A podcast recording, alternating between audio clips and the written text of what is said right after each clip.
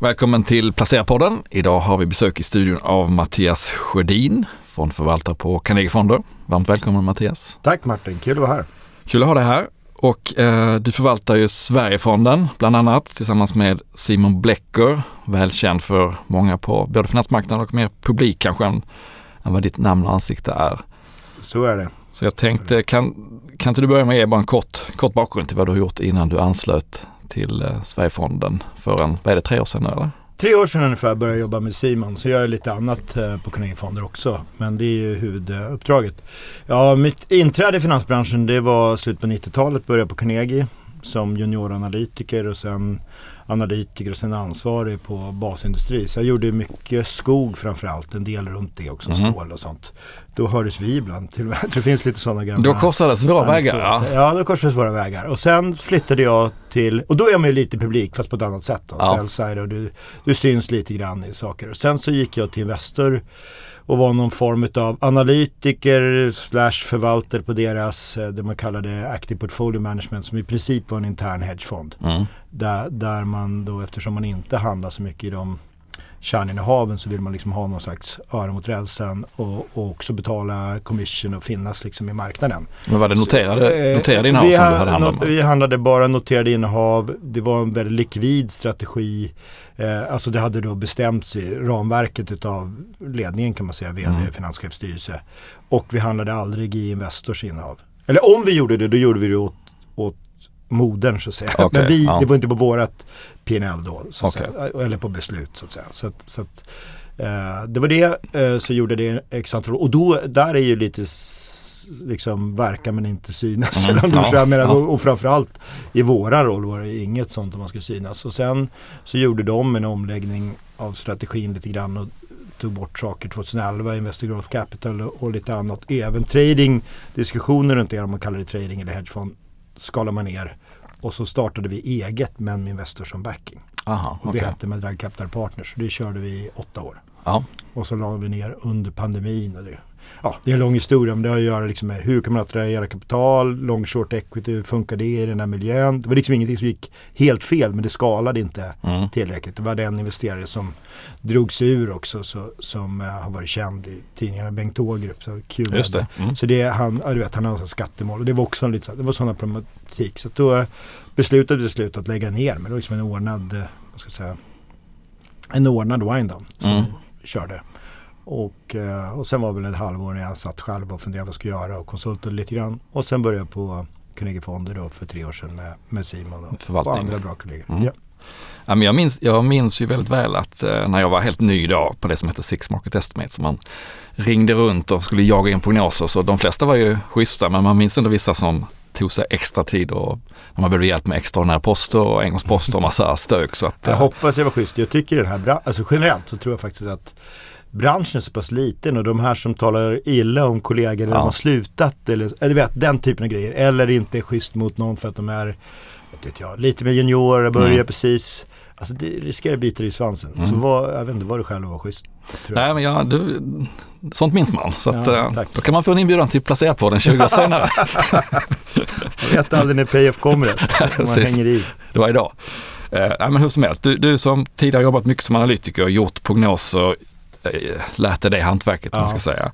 Nu sitter du som förvaltare. Eh, jag tycker det kan vara lite intressant att höra hur, hur använder ni prognoser, konsensus och när ni tittar på värderingar och gör investeringsbeslut? Ja, ser det nog mer som någon slags, vad ska jag kalla det för, ett riktmärke eller någonting att utgå ifrån i tankesätt. Alltså historiskt, jag, jag tittar på det här både när jag var själv analytiker, jag fick även sammanställa då på, det, på Carnegie på den tiden. Och då kunde man ju se att kurserna leder ju prognoserna. Mm. Alltså om jag, så det, det, det, det, får man först tänka på. Men om vi, och vi släpper det och tänker på, det, på förväntansbilden som slags, eh, det här är liksom marknadens förväntanskurva. Vad, är, vad, är liksom, vad förväntar sig marknaden på Volvo eller Esset eller SE-banken eller, eller någonting. Så har vi ändå ett estimat för kommande år och då, då vet vi ungefär vad konjunkturutvecklingen är. Och det resonemang som vi för internt det är liksom inte så här Framförallt inte för Sverigefonden som är 25 miljarder. Det är inte så här, ja men tror vi att det kan vara 4% bättre på, på Q1. Ja. Så här, det, det, är rätt ointressant. Utan snarare vart är bolaget i cykeln? Tror vi att de kommande åren att de minst kan möta marknadsförväntningar? Och det, mm. det är ju både de officiella säljsen men även vad vi tror liksom vi i Byside ligger. Mm. Och, och, det blir en blandning av vad vi tror eh, vad är konjunkturen, vad vi hör från bolaget, vad vi ser på den här sektorn. Och så slutligen är det så här, vad är värderingen på det här? Är, är bolagets värdering under historiskt snitt? Eller, alltså mm. ligger redan, tro, du vet, och det påverkar lite grann vad vi tror att att vad ska jag kalla det för då, buy-side slash marknaden ligger. För det blir inte bara i förhållande till den här officiella men, lä men lägger ni egna detaljerade prognoser eller tittar Vissa ni Vissa gör det. Uh, uh, jag skulle säga att jag och Simon gör inte det utan för mer resonemang runt ja. vart bolaget är i cykeln och så. Men jag har kollegor eh, som gör det och, och som på kvartalsbasis. Jag, jag, ska inte svära på att de gör det på alla bolag, det vet Nej. jag inte. Men, men, men vissa gör det. Och det kan ju också vara så att det är en skillnad om du är småbolagsförvaltare och de får ju tala för sig själv. Men om det, vissa bolag är ju mindre genomlysta och de kanske vill ha en uppfattning ja. om var vinstnivån ska vara. Om, om, om du har Ta bankerna till exempel. Det är nästan overkligt nära som analytikerna. Alltså förväntansbilden målas in enormt ja, på kvartalsnivå. Ja. Att jag skulle lägga någon prognos som är bättre än Magnus Anderssons på Swedbank på Q1. det, det, är liksom, det är fel, fel sätt att använda ja, tiden kanske. Jag nämnde ett namn men det var ta ja. ett exempel på ja. bankanalytiker. Liksom. Eh, men, och jag antar att man lär sig vilka analytiker som är duktiga på att ligga rätt på bollen sådär också så att man kanske tittar ja, extra mycket på vissa firmor eller vissa så blir individer. Det. Alltså jag är ju själv analytiker och det blir mer som man tänker liksom vem man har som bra speaking part. Vi hinner inte tala med alla. Nej. För att eh, ha liksom 30 innehav i Sverigefonden, en annan fond med småbolaget tittar på har 35-40 och så har du ett universum lite utanför det. Har du då fyra, i storbolagen är det ju fyra, fem analytiker minst som mm. täcker, minst som täcker, ofta mer som täcker de här bolagen. Så ska liksom, till slut är det ju 100-150 personer du ska prata med. Det, det går ju inte liksom. Utan det blir ett gäng, sen, sen kan man ju alltid, kommer någonting spännande för någon som du inte känner så klart man kan ta till sig mm. det och läsa. Det är, inte, det är inte så jag menar. Men men det, och dessutom är det på de här stora bolagen så, så är det ju ett konstant nyhetsflöde det, som jag, hjälper det att bedöma var förväntansbilden mm. ligger. Och då menar jag förväntansbilden i en bredare kontext än bara punktestimat på vinst. Det kan ju vara hur man ser på kassaflöde, balansräkning, le, eventuella ledningsbyte, extrautdelning. Ja du förstår, massor ja, av frågeställningar mm. eh, vävs in i det där. Men hur som helst, ska vi prata lite marknad?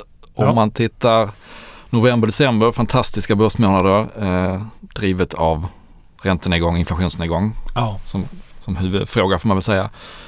Eh, hur stor hänsyn tar ni till den här typen av stora skifte i er portfölj? För det är ju lite av en ångbåt att vända ja, när man är så stora som ni är. Uh, vi tar hänsyn till det men, men det går liksom inte att jaga vad ska jag säga, snabba räntor. Alltså det, det, man kan säga det är så här, har en syn på att du tror, om man har kunnat sett att vi ska fått den här ultralåga räntemiljön som du fick ja, säg, fram till för ett och ett halvt, mm. två år sedan och fyra, fem år innan. Ja det är klart, då skulle du lägga om portföljen för det. För det var så pass lång period. Mm. Det var lite svårt att se eftersom pandemin kom och, och, och, och drog på det extra. Så, så att i det här fallet så för vi naturligtvis ett resonemang. Och det har fjolåret när du har eh, inflation där man såg tydligt producentpriser följa under våren redan. Mm. Och att CPI skulle följa, alltså konsumentprisindex började falla och att man då börjar närma sig toppen på, på räntecykeln. Men där vi då också har, har fört resonemang att vi tror inte att de här ultralåga räntorna kommer tillbaks. Det kan vara fel, mm. men det är så vi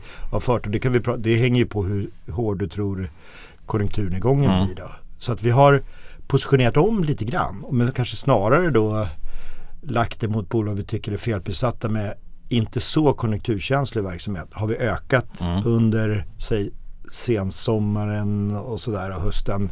Eh, snarare än att vi har liksom köpt hur mycket fastighetsbolag mm. som helst. För det är väl de kanske, ja, de eller serieförvärvarna är väl de ja. mest räntekänsliga så som börsen mm. ser det. Så det låter som att ni kanske tycker att förväntningarna på räntesänkningar det här året har att marknaden tagit ut det lite väl snabbt och mycket eller? Ja, alltså vi, det är väl lite grann som prognosen. Det är inte så att vi går omkring och, och tror oss vara bättre än, än liksom ränteförvaltare eller, eller makrostrateger. Men det vi, det, vi, det vi för i någon slags top-down resonemang. Mm. Precis, okej. Okay.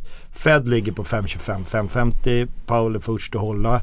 Eh, nu prisar man in sex räntesänkningar. Okej, okay, om det ska infrias då har vi förmodligen så att amerikansk ekonomi är i recession eller nära, den mm. överraskar inte positivt längre mm. i alla fall. Så att säga. Om vi är i det scenariot, ja då kommer det mycket, då kan en del av våra konjunkturkänsliga bolag ta stryk. Eh, en del annat kan också få stryk, men räntorna kanske kommer ner ja, säg sex gånger eller mm. mer för Fed. Men det, men det kan mycket väl vara, det gick ju så otroligt fort den paradigmskiftet. Mm. Så det kanske bara blir tre eller fyra. Och amerikansk ekonomi, och den har ju hållit mycket bättre hittills än väntat. Sverige var i recession men inte USA. Uh, och, och, och Paolo och andra har ju uttryckt förvåning hur väl uh, amerikanska arbetsmarknaden mm. har hållit uppe. Skulle den hålla, ja då kanske det blir tre. För det, då är ju liksom, vad ska jag säga, arbetstagarnas kraft att få lite fortsatt kompensation och så kommer någon mm. ny störning. Vi har val i USA med, du vet, det kommer att vara fokus på Trump och allt möjligt. Ja, då, då kanske det är det läget och då behöver det inte vara så fel att vi har saker som inte är P28 alltihopa om du förstår jag menar. Ja, Därför man har en portfölj. Men om jag tittar på, på er portfölj och de största innehaven så eh, framstår den som väldigt verkstadstung. Det är Investor, Volvo, Atlas, Assa och Sandvik som är topp fem. Om vi nu har senaste, ja. jag vet inte om det är sista november eller årsskiftet. Den här. Men, eh, Nej men det, det stämmer. Så ligger Essity väldigt, väldigt nära där och Lifco också. Så alltså då, under. Ja just det. Men då, det låter inte som en, en portfölj för en hårdlandning utan snarare för en skaplig mjuklandning eller? Nej, det, det kan jag köpa. Uh, men då, då i det ska jag säga så här. För det första, om vi tar Volvo så Volvo är inte riktigt vad det var, tycker vi. Nej. Och det tror jag mark nu börjar marknaden prisa det också. Det betyder inte att Volvo inte är cykliskt, det är det absolut. Men de gör 14% rörelsemarginal någonting i år. Vi tror att den kanske nya botten i Volvo är säg 8-9. Ja. Någonting sånt. den gamla toppen det är nästan. Det är nästan gamla toppen. Och dessutom kommer bolaget vid bolagsstämman ha ungefär 100 miljarder i kassan. Mm. Så som prognoserna ser ut nu när vi träffar dem så, så säger de att vi behöver ha 35-40 minst i någon slags, om man kan gå in var, varför de vill ha det. Men, men Volvo vill ju aldrig hamna liksom i en skuldsatt situation Nej. igen och så här. Och, och, och, om det är så, då ska de kunna dela ut någonstans 40-60 miljarder. Säg 60, för att behålla den där mm. bufferten. Betalar ut det och sätter liksom på en normal, säg att de gör 9 på låg och 14-15 på toppår då. Så du gör 12 i snitt. Mm. Ja, sätter du upp i 10 till 12 på, på den här normaliserade vinsten efter de har delat ut. Ja, det är fortfarande uppsida på Volvo. Mm. Så den har blivit, nu när det till och med varit konjunkturoro så har ju Volvo faktiskt varit lite mera defensiv än historiskt. Mm. Och, det, och marknaden har också varit försiktig att höja multipeln så mm. den ligger inte med för höga förväntningar. Det betyder inte, vi fattar ju också att Volvos vinster kan gå det är inte, Så dumma är vi inte och det är möjligt att vi någon gång tar, tar ner eh, positionen. Men, men just det här när du har ett bolag som har så stabil balansräkning och överraskar så positiv mm i hur det drivs. Alltså Lundstedt måste vara en av de, en av de mest framgångsrika vdarna han har lyckats på Volvo de här åren ja. faktiskt. Ja och aktien är väl på eller väldigt nära all time high. Det är, Så är det intressant med tanke på diskussionerna om konjunkturnedgången. Ja, nej precis. Men det är, jag tror marknaden ser det som ett annat Volvo. Mm. Men för jag fråga också, Investor som är störst, eh, lite udda kanske har ett investmentbolag som, som största innehav? Ja, det kan komma att ändras eh, över tid också. Det vi har resonerat där, vi har inga för det första får du Patricia som är ungefär en tredjedel ja. knappt utav eh, Investors. Där, där, där får vi den exponeringen som är svår att få annars. Och där har de lyckats otroligt väl med allt från Mölnlycke och Piab och Atat Antibodies och, och, och, och, så. Och sen så har du, har du eh, EQT äger vi inte. Så mm. den får vi också från Investor. Så har vi en, och så har vi en rabatt som vi har tyckt varit i det högre spannet. Den säger att den är på 15 men om du justerar lite värden som man tycker är konservativa så är det närmast upp på 20. Mm. Medan flera andra investmentbolag har legat eh, med, till och med med premium eller, eller obefintlig rabatt. Så det, det har varit en sån så, så, och sen är det dessutom i osäkra tider har du möjlighet. Det mesta kan du fortfarande, om du har ut, du kan ju justera ja, okay, det blir som, som en, en liten swing-faktor. Men, men den har varit en sån som vi har tyckt har legat i en sån vad ska jag säga, sweet spot på det sättet. Men det, men det är inte så att det, jag är inte övertygad om att Investor alltid kommer att vara störst för oss. Liksom. Men, men, men vi har varit jättenöjda med hur, den hur det har funkat och hur bolaget eh, drivs. Ja. Eh, vad som inte dyker upp lika ofta i topplistan eller lika, lika många innehav i alla fall är storbankerna. Ja. Som ju är den andra tunga sektorn på ja. Stockholmsbörsen. Hur, vad är det ni, vad ni tror, inte gillar där? Ja, men för det första så ska jag inte säga att det är någonting vi inte gillar. Vi, vi, vi tar ibland den diskussionen med våra investerare mm. om bank. Och det kan jag göra om andra bolag som inte är så populära som Telia eller Ericsson och sådär också. Eh, eller byggbolagen. Men om vi tar bank då så, så måste man se det. De kommer ju aldrig vara vad ska säga här, vinnaren på året när börsen är urstark. Mm. Eller kommer aldrig, men det är ganska osannolikt mm. i alla fall. Bankernas eh, balansräkningar växer med någon slags BNP eller BNP plus som kan ha vissa marginaler. Det är alltid en debatt om om, om politiker som hittar på extra skatter och, och, och sådär. Men det fina med bankerna är att vi har en, de, de, de är väldigt duktiga i Sverige på att ta säkerheter och, och, och hantera risk. Mm. Så vi det, var, det, får gå långt tillbaka för att ha någon större smäll. Eh, deras, deras KI-tal, alltså kostnader mot intäkter, har man ju förbättrat dramatiskt de sista 15 åren. Mm. Så att vi brukade ligga på 60 procent så är det snarare 40. Så att de genererar mycket kapital. Uh, och det du får då, du måste se bank som aktiekursutvecklingen plus utdelning. Det måste man väl alla aktier, men i det här fallet blir utdelningen en större andel. Ska jag säga. Och då, då uh, ser vi det som en del för att få en, en uh, säga, riskspridning i portföljen. Och jag tror vi har ungefär 11 bank om vi skulle summera. Och det, det är nog inte jättestor skillnad mot de så bredare index. Nej. Men det är mi klart mindre än OMX. Så det beror vilket man vill se på. Uh, så, så, så kan man väl säga. Och vi har tre av de fyra storbankerna. Mm. Och jag tycker att vi ska inte behöva ha fyra. Kanske skulle räcka med två till och med. Men ja, det kan ju alltid hända. Bankerna har ju det här eh, eviga att det händer något med någon i Baltikum eller någon. Du kan ju ja. få någonting ja, Man har nästan glömt den här bankkrisen ja. i USA. Det var mindre än ett år sedan. Men de genererar ungefär, ja precis. Men de genererar ju mycket kapital. De de betalar utdelning plus återköp ligger vi någonstans 11-12 procent mm. och du har p-tal som är single digit. Mm. Det betyder inte att de inte kan gå ner. Men absence, någon sån här, om vi inte får någon stor problematik, fastighetskris eller något bolag specifikt, då, då, har det, då har vi det som en slags ska säga, underliggande kassagenerator som vi kan stoppa in i Lifco eller vad vi tycker mm. är intressant mm. på årsbasis. Ja, du pratar mycket, du nämner Lifco ofta här, ja, en liten darling eller? Det har varit, den har varit helt fantastisk i våran eh, portfölj och, och, de har till och med det här året levererat eh, klart mer än vad marknaden mm. förväntade. Det, det, Lifco är ju, är ju en av serieförvärvarna som finns på Stockholmsbörsen. Uppbyggt från, utav eh, Benetton mm. huvudägare där då. Och, att jag kommer att tänka på den nu kanske i den här räntemiljön och så också. Vad, vad bra de gjort det. För att de har rörelsemarginaler på över 20% Så när vi hade att räntorna gick upp väldigt kraftigt och det blev press på en hel del av serieförvärvarna. Naturligtvis på Lifco, har du höga multiplar så går, eh, går det ner om räntor blir högre.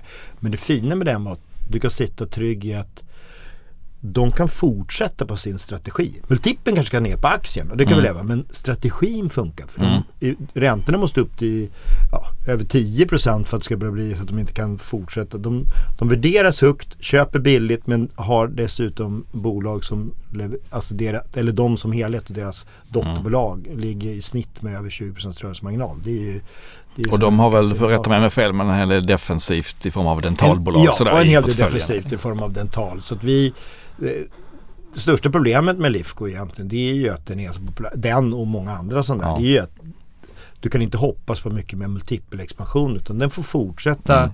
och växa och så. Det, att jag nämner den nog mer för att den sticker ut åt andra hållet i en portfölj där många säger att ni har mycket value. Liksom. Mm, mm. Så, lite. Fair. Eh, snart är det dags för rapportperiod igen. Mm. Drar väl igång i USA här i veckan tror jag redan på fredag. Ja, några bankrapporter kommer först. Ja, och sen lite senare i Sverige. Men eh, om vi håller oss till Sverige, vad, vad är er syn på rapportperioden? Eller om jag tycker så här, vad kommer ni att leta efter för checkpoints och vilka frågor kommer ni att fokusera på? Ja, ens om man menar just vad gäller aktier för det första så kan ju en checkpoint, alltså om vi tycker någon får aktier vi gillar eller, eller tittar på som får alldeles för mycket stryk så kan ju rapportsäsongen, framförallt i en fond som är så stor, kan vi nyttja det genom att likviditeten är högre i aktier. Då. Så det kan bli att vi agerar på rapporter så. Annars spekulerar vi generellt inte i själva Nej. rapporten, alltså säljer inför, köper på. Alltså det gör vi, gör vi generellt inte. Sen tittar vi nog på, på det man kallar för, vad heter det på svenska, resilience, alltså motståndskraft mm. i marginalen. Vi är ju ändå i en sämre konjunktur nu. Många, tar du verkstadsbolagen så, så har du en situation där organisk tillväxt kommer ner och, och det order har varit svagare också, som generellt. Mm. Uh, och då vill vi se hur väl håller marginalen emot i den miljön. Det som hjälper då är att alla de här försörjningskedjorna och sånt har blivit bättre. Och sen så har du eh, andra bolag, bankerna så är vi på väg in i en räntemiljö som är lägre. Ja. Då blir det att förstå känsligheten där. Generellt så tror jag inte vi räknar med några jättedramatiska saker i Q4 och det är snarast då hur känslan för mm. orderingång, organisk tillväxt och det man kallar då drop-through. Alltså hur, hur mycket förändras marginaler givet eh, att vi har en något svagare konjunktur. Då. Lite valuta motvind för industrin också. också. Kommer, jag vet, men det, det, ja, det är sant. De, de, har varit väldigt gynnade av FX och det kommer vara, det blir lite motvind. Inte för H&M då, men för de, de, de, de verkstadsbolagen till, så är det ju så. Men man kan ändå inte säga, tycker jag, att, att det är FX-nivåer som är kan de inte hantera dem 10 Nej. kronor, dollar. Alltså, ja, då, ska, de ska man, 12 liksom. då ska man inte vara topp 10 på Ja, då, då, då, då har de andra problem. Men det är klart att, att deltat där. Ja. Men det, det, är andra saker som jag tycker gynnar dem. Och sen är ju inte, förutom basindustrin så är ju liksom inte det här verkstad och annat är ju inte vad det var för 30 år sedan. Utan det är ju mera ja, globala bolag. Ja. Så FX påverkar men det är inte som om du är Boliden. Där har du riktig mm. FX-exponering. Eller skogsbolagen. Eh, men inför rapporten här, det har inte kommit speciellt många vinstvarningar men vi såg i morse, eller igår kväll var det väl, som Skanska gjorde en stor nedskrivning. Ja. Eh, och det är väl ett av era det är ett bolag som Simon brukar prata varmt om ett ja, i alla fall. Men... Simon tycker om Skanska. Jag tycker också om Skanska. Och, och man kan komma ihåg att vi har inte jättemycket fast, rena fastighetsbolag. Vi har ett stort och mm. det är Atrium Ljungberg som vi tycker jättebra om stark balansräkning. Men då har vi också fastighetsexponering indirekt i att vi äger Skanska och lite NCC. Mm. Och, de, och NCC har kommersiell fastighetsutveckling och byggrörelse kan man säga. Och, och Skanska har både kommersiell och, och bostadsutveckling där den kommersiella är större. Då.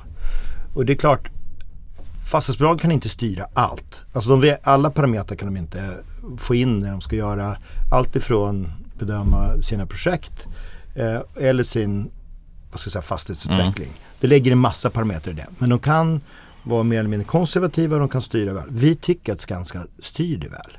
Du har bolag som är, de är helt skuldfria, eller har nettokassa, det brukar man se på prepayments också. De har en, en byggrörelse som gör 6 miljarder ungefär i, i rörelsevinst och kassaflöde. Mm. Och det var ingenting i den här vinstvarningen idag som indikerade eller han betonar till och med det, Magnus Ifon, att, att det inte ska ses som någonting runt byggrörelsen hur den utvecklas. Right. Så att säga. Utan det här är då mer en effekt av räntemiljön och det kan vara lite laggeffekter. Det gäller alla fastighetsbolag och, och i viss mån då eh, delar man ska lämna inom där boklok i bostadsutveckling. Det verkar ha varit hemfört i UK och sen är det en del i, i USA där det var lite tuffare på, på då den kommersiella fastighetsutvecklingen med uthyrningsgrad och ihop med mm. räntemiljön. Då. Eh, och det, Skanska bokför liksom inga vinster i förhand utan man har en bedömt övervärde och analytikern ligger med under. Vi ser inte så jättedramatiskt. Det är klart mm. det är inte positivt om du får en nedskrivning på 2 miljarder. Men om, om du har ett bolag med börsvärde på 75 miljarder som har nettokassa som har 6 miljarder i vinst från sin byggrörelse. Det får du sätta någon multipel på då. 8 mm. eller vad man nu vill. Och sen har du då 50-60 miljarder i fastighetsutveckling som är skuldfri som man skär lite av övervärdena. Det är, inte så, det är inte så att man håller på att ramla av stolen. Skanska kommer inte heller att vara en sån här aktie som förmodligen som är liksom årets börsvinnare. Men i en portföljkontext ser det på nästan som som jag skulle göra om vi hade sakförsäkring. Att du har ett bolag som lever med prepayments och, och en underliggande verksamhet i bygg som genererar, de två ihop gör att vi som aktieägare behöver inte stoppa in något kapital för att utveckla de här fastigheterna. De har kunskapen att göra det. Det betyder inte att allt 100% blir inte lyckat men tillräckligt mycket blir lyckat för att det ska bli bra. Och, och sen så, så får vi också en bra utdelning varje år. Det kan bli en liten sänkning för 23 men det ligger analytikerna med det är mer så här. Men eh, de har också gjort 20 och 21 gjorde de extrautdelning. Så det, det kan komma igen. Mm. Det räcker bara att du får, får vi den här lite lägre räntemiljön då kan det ju vara proppen ur om ett år och så säljer Skanska 10-20 miljarder utav färdigställda. Ja.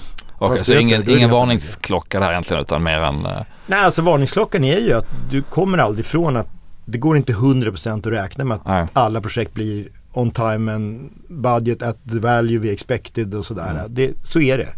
Uh, men om man menar bolaget som helhet, som, om du tar in allting, hur man hanterar byggrörelsen, vilken exponering den har, hur man hanterar den kommersiella och, och bostadsutvecklingen. Nej, då, då ser vi inte eh, det som någon risk. Det är ju helt annat om Skanska hade haft 40 miljarder i skuld och, och en taskig byggrörelse som inte tjänar några pengar. Alltså, mm.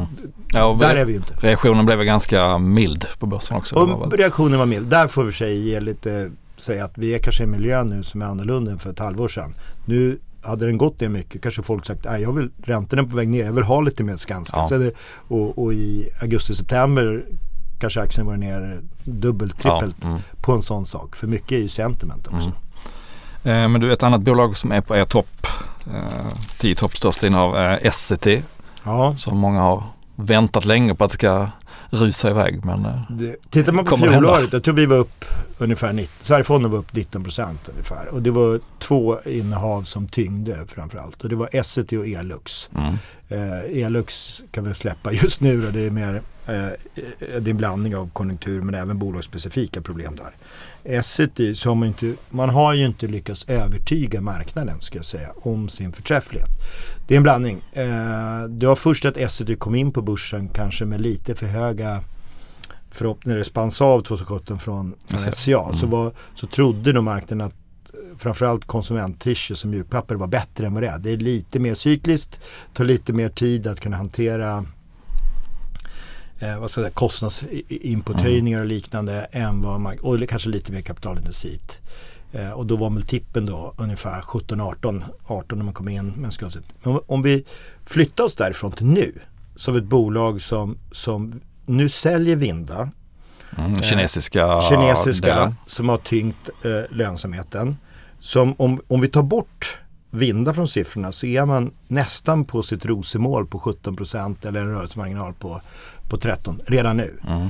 Sen så växer ju de delarna som inte är mjukpapper bättre än det andra. Alltså man är ju jättestark på till exempel inkontinens och sårvård och annat. Eh, det, det tror vi också. Skuldsättningen efter Vinda går ner, kommer att vara lägre när bolaget avknoppades. Så vi ser stora möjligheter att, att det bolaget kan bli mer kapitaleffektivt. Att det kan göra smartare förvärv, att de nu bör rimligen kunna titta på återköp av den egna aktien. Och tittar på värderingen så är vi på nästa år på under 13. Och då kommer vi till det här tycker jag som när du pratade om prognoser. Vi har mm. inte någon jätteåsikt om att SCBs Q4 eller Q1 ska slå eller med 5% eller, eller vara sämre 5%.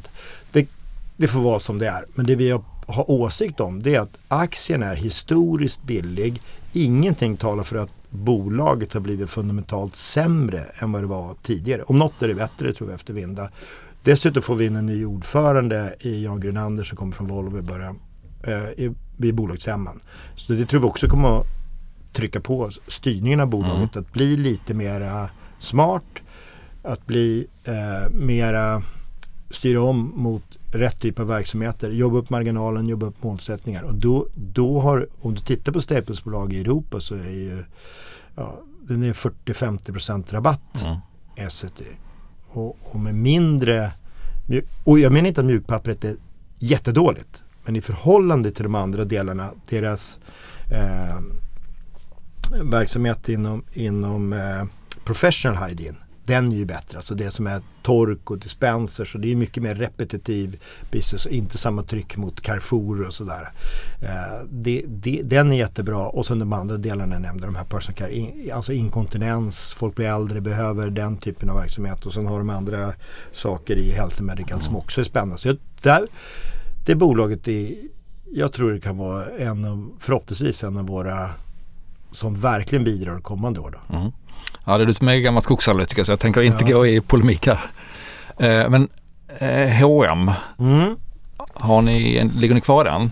Ni ligger kvar i H&M eh, och, och våra resonemang där har varit att förväntansbilden på H&M är låg. Det, bolaget hade ju ett antal år med problem kan mm. man säga. Det började kanske någonstans 14-15 och så såg det ut att vara på väg lite åt rätt håll och sen kom pandemin. Och så hade de Ryssland och Kina mm. eh, som också var Så det är mycket gått emot dem. Men vi tycker att de ändå verkar ha ändrat sig och vi träffar ju dem regelbundet också. Och då, visst, det är lite mer av ett familjeföretag men, men de kan verksamheten väldigt väl och de, vi tror att de gör rätt saker. Nu siktar de på 10% marginal och når man det, vilket ser ut att vara mm. på väg. Mm. De, de, gör det så. Då, då har du ett bolag som omsätter typ 250 miljarder, gör 25 miljarder i rörelsevinst, kanske 8-9 i capex eller någonting. Och sen kan du betala 10-11 utdelning, 3 i återköp och så Stefan som, som eller Ramsbury Invest som också köper egna mm. aktier. Så vi ser ju det som eh, en aktie som långsiktigt förmodligen kan tas ut från börsen. Mm. Eh, skulle den gå upp 30-40 procent är det möjligt vi, vi, vi, vi, vi tar ner lite grann. Det, jag säger inte det men, men, men eh, även där så se, får man se det lite riskjusterat. Här har vi ett bolag som har en tydlig huvudägare, tydlig målsättning. Han visar att han tror på bolaget och förväntansbilden på HM är inte vad den var en gång i tiden. Alltså det, det, det är lite fallen from grace får man mm. säga ändå. Så, så att uh, vi ligger kvar i den. Mm. Inget, vi har ungefär 3 procent. Bra. Eh, och när det gäller, nu är det mest storbolag i er, mm. er portfölj. Eh, men en intressant fråga. Vi har en del små. Ja, ni har en del små också. Men, men jag tänkte fråga, eh, en intressant fråga inför det här året tycker jag i alla fall är hur småbolag som har laggat mm. efter här ett tag men som över tid brukar ja. kunna trumfa storbolagen. Hur ser ni på den eh, matchen, storbolag, småbolag 2024? Småbolagen, framförallt Sverige och Europa så växer ju vinsterna trendmässigt har växt fortare. Det är väl baseffekter och, och, och det finns andra förklaringar. Mognadsgrad på bolag också eh, kan man säga. Så det, det, får man ta till sig. Förväntansbilden på vinster i år på småbolag när jag tittat på sammanställningar till exempel Carnegies eh, strategiprodukt och så. är ju dramatiskt högre än den är för storbolag. Mm. Men det är ju det är lite så här inversen från 23. 23 så växte ju storbolagens vinster mycket mer på grund av egentligen Volvo, bankerna och H&M. Ska säga. Mm. Där gick det bättre än väntat. Uh, och, och ja, verkstadsbolagen generellt höll bra. Och så hade småbolagen det tuffare och fick högre skuld. I år ska det då reverseras. Så kan det bli. Men jag tror det, och, och vi är inte negativa på småbolag men man får tänka att det är mycket fastighet i småbolag. Mm. Så det gäller hur räntecykeln utvecklas. Så att det inte får den här att marknaden blir besviken på räntesänkningen. För då kan småbolagen få ett år som är lite, ja, jag tror inte det blir så illa som 22 men i alla fall att det inte fortsätter rusa. Så jag är inte helt övertygad. Det som talar för småbolagen som sagt det är vinsttillväxt historiskt och trendmässigt är bra. Det som talar emot det, de här gyllene åren tror jag är lite över. De här mm. superåren som var där 16 till 21 eller vad ska jag säga. Mm. Där, det, där du levde med ultralåga räntor, enorm multipelexpansion. Det kan man inte räkna mm. med. Men om får vi räntesänkningar konjunkturen, framförallt den amerikanska, då, håller hyggligt. Vissa av de som är mer domestika, svenska, att de också får en hygglig konjunktur. Ja, då, då kan det nog gå ganska bra. Vi har några små, jag ska säga, vi har Securitas, vi har Elekta, ja, små men för, för Sverigefonden ja. små då. Vi äger även Dunis en väldigt lång tillbaka, tid tillbaks. Den har funnits med i tio år i Sverigefonden. Det är ett litet innehav men vi tror mycket på det. Mm. Securitas, vad är caset där? Marginaltrappan som de har ja. pratat om länge att de ska klättra upp i. Securitas är för det första marginaltrappan. Vi tycker ledningen verkar göra ett bra jobb. Det som är trist var väl att man köpte Stanley Security med lite oturstiming. Alla ja. som köpte bolaget slutet på 21 mm. betalade för mycket. Det gäller ja. även de som handlade på aktiemarknaden kan man säga. Så det får man nästan dra ett streck över. Strategiskt då passar det väl in. Och, och de skär bort säga, underpresterande verksamheter. Det kan man säga att Securitas alltid borde ha gjort. Men nu har man en högre teknik och digital höjd. Dessutom är det inte speciellt konjunkturkänsligt. Så du har ett bolag som har hyggligt mycket skuld som man jobbar ner i en miljö där räntor går ner, som inte är konjunkturkänsligt, de har en ledning som vi tycker gör rätt saker och där teknikhöjden höjs och som värderas på tio gånger vinsten. Mm. Ja, i ett portföljperspektiv så ser det ganska bra ut. Faktiskt. Uh, vi, alltså köper man Sverigefonden ska man veta vad man får. Det är ingen garanti att du slår index. Över lång tid så hoppas vi att vi gör det såklart. Mm. Jag tittade på, jag resonerade faktiskt med, med, med Bräcker häromdagen om, om Lundbergs. Så, så här, alla, alla är så övertygade om att ja, du måste ha en viss typ av aktier eller vissa småbolag för att slå index. Eller vad, och, och det kanske är det för att vinna ett visst år eller få det bästa. Men och tar du bara Lundbergs har egentligen det är ganska kända innehav som man har. Ganska traditionella eller jag ska mm. säga tråkiga men, men det är Indutrader som ska säga som är serieförvärvare. Sen är det ju att, äh, ganska traditionella. Och, men om du har en, en compounding-effekt och undviker stora nitar så över lång tid så har ju den aktien gått mycket bättre än index. Mm. Och, och, med mindre drawdowns men då förmodligen var det långt efter index sådana här superbörsår.